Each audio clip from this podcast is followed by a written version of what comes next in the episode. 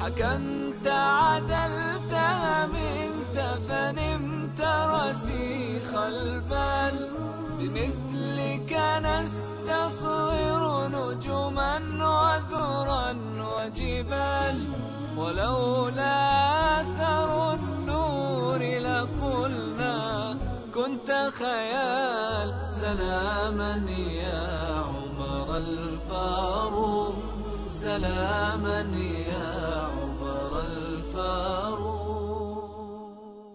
بسم الله الرحمن الرحيم أيها الإخوة والأخوات السلام عليكم ورحمة الله وبركاته. أهلا وسهلا بكم من جديد في حلقة من برنامجكم قصة الفاروق. إنه عمر ابن الخطاب. إنه الذي أطفأ نار المجوس. إنه الذي فتح البلاد والأمصار. إنه عمر وإن يكن في هذه الأمة محدثون فإن منهم عمر بن الخطاب الذي كتب الله عز وجل على لسانه الحق والعدل. عمر كان يجوع مع جياع المسلمين ولم يكن يرضى يوما أن يشبع وبعض المسلمين جائع. هذا هو أميرهم هذا هو قائدهم هذا هو حاكمهم. يقول عامر بن ربيعة سافرت معه إلى الحج من المدينة إلى مكة ورجعت معه. يقول والله ما وضع له فسطاط. خيمة ما كله يقول إنما هو رداؤه. ثوبه اللي يتغطى فيه. يقول إن أراد أن ينام وضعه على شجرة واستظل بظلها ونام. ثم يقوم ويلبس هذا الرداء. وإذا أراد أن يجلس افترشه على الأرض وجلس عليه. هذا هو عمر باختصار. تلك الدار الآخرة نجعلها للذين لا يريدون علوا في الأرض. لا يريدون علوا في الأرض ولا فسادا. والعاقبة للمتقين. إنه الزهد في الحياة والتواضع واللين عرف حقيقة الدنيا بالنسبة للآخرة. سلاما يا عمر الفاروق. سلاما يا عمر الفاروق. عمر بن الخطاب رضي الله عنه يرى يوما من الأيام رجلا يهوديا كبيرا بالسن شيخا كبيرا. رآه يتسول. قال ما شأنه? فناداه عمر. قال من أين أنت? قال من كذا وكذا. قال لم تتسول؟ قال لأعطي الجزية. قال ومن يأخذ منك الجزية؟ أنت رجل بهذا العمر. قال عاملك. ويسمى الوالي في ذلك الزمان زمان عمر. عمر نظم الدولة. عمر رتب المهام والمناصب. عمر كان يسمي الوالي العامل. شوف الاسم ترى حتى الاسم له معنى. قال عاملك؟ فإذا بعمر يبكي. قال أخذتم منه شبابه. يعني في شبابه كان يعمل ويكد ويعطيكم من الجزية. والآن لما كبر وعجز ما تعطونه؟ بكى عمر وأرسل رسالة في الأمصار في بلاده أن يفرض لكل عاجز عن العمل مالا. مريض مقعد عاجز يفرض له مثل الراتب من بيت مال المسلمين سواء كان مسلما أو غير مسلم.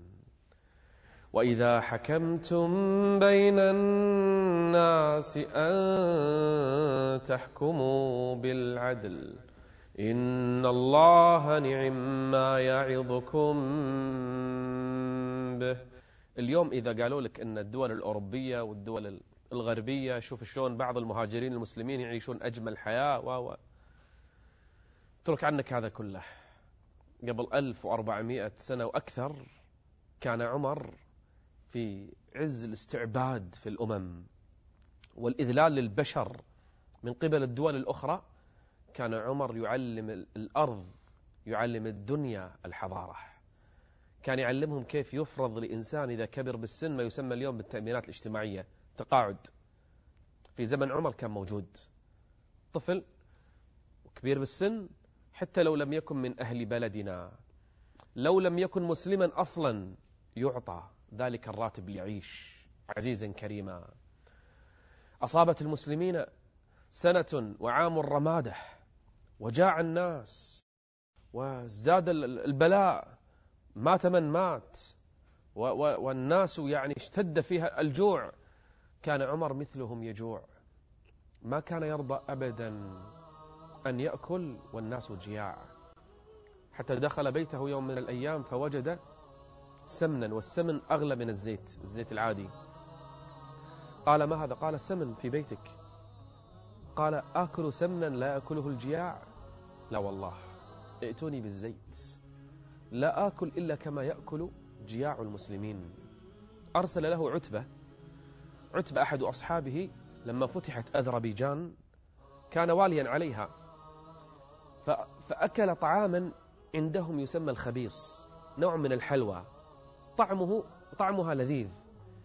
فأرسل جزءا يسيرا منها مع رسول له إلى عمر ليتذوقها عمر بن الخطاب.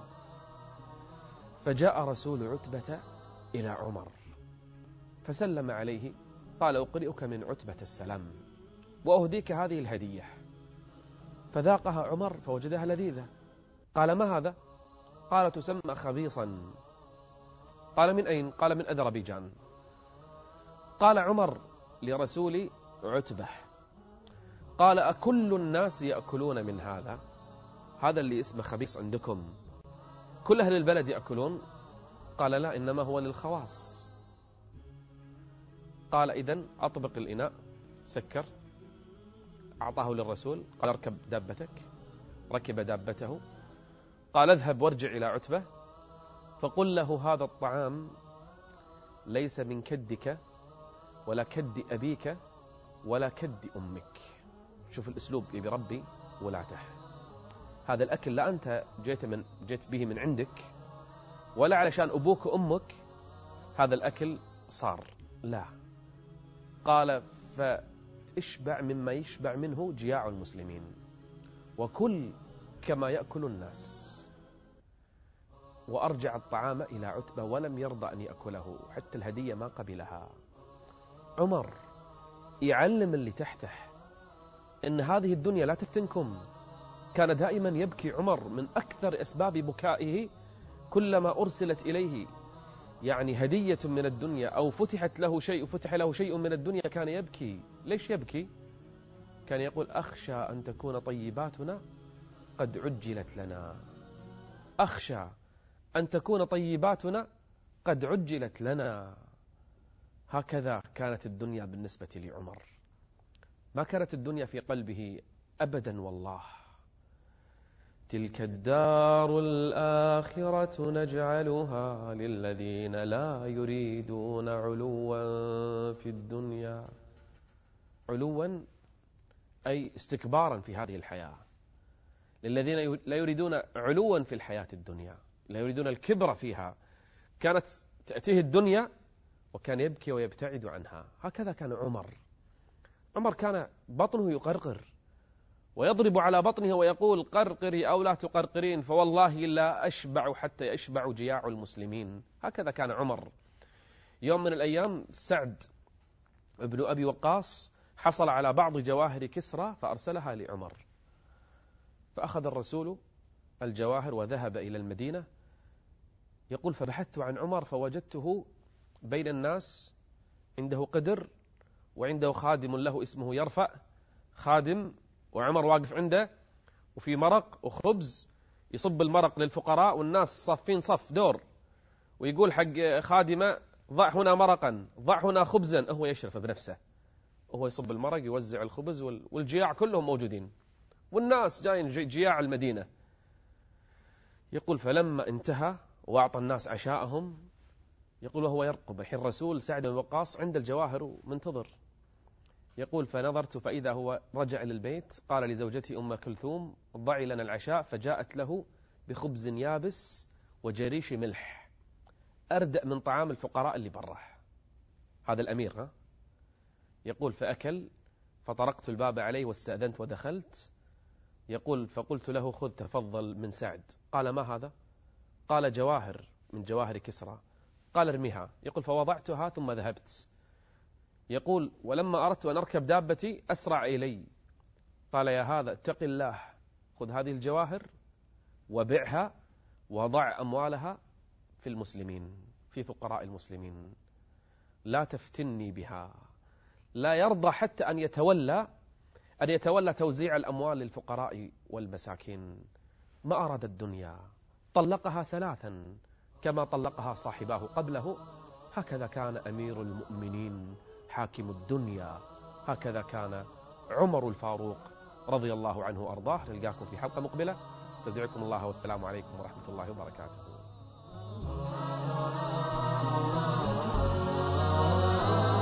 ملأت الأرض بعدلك وفتحت الأمصار وقلت بحق الناس لقد ولدوا أحرار. ملأت الأرض بعدلك وفتحت الأمصار وقلت بحق الناس لقد ولدوا أحرار.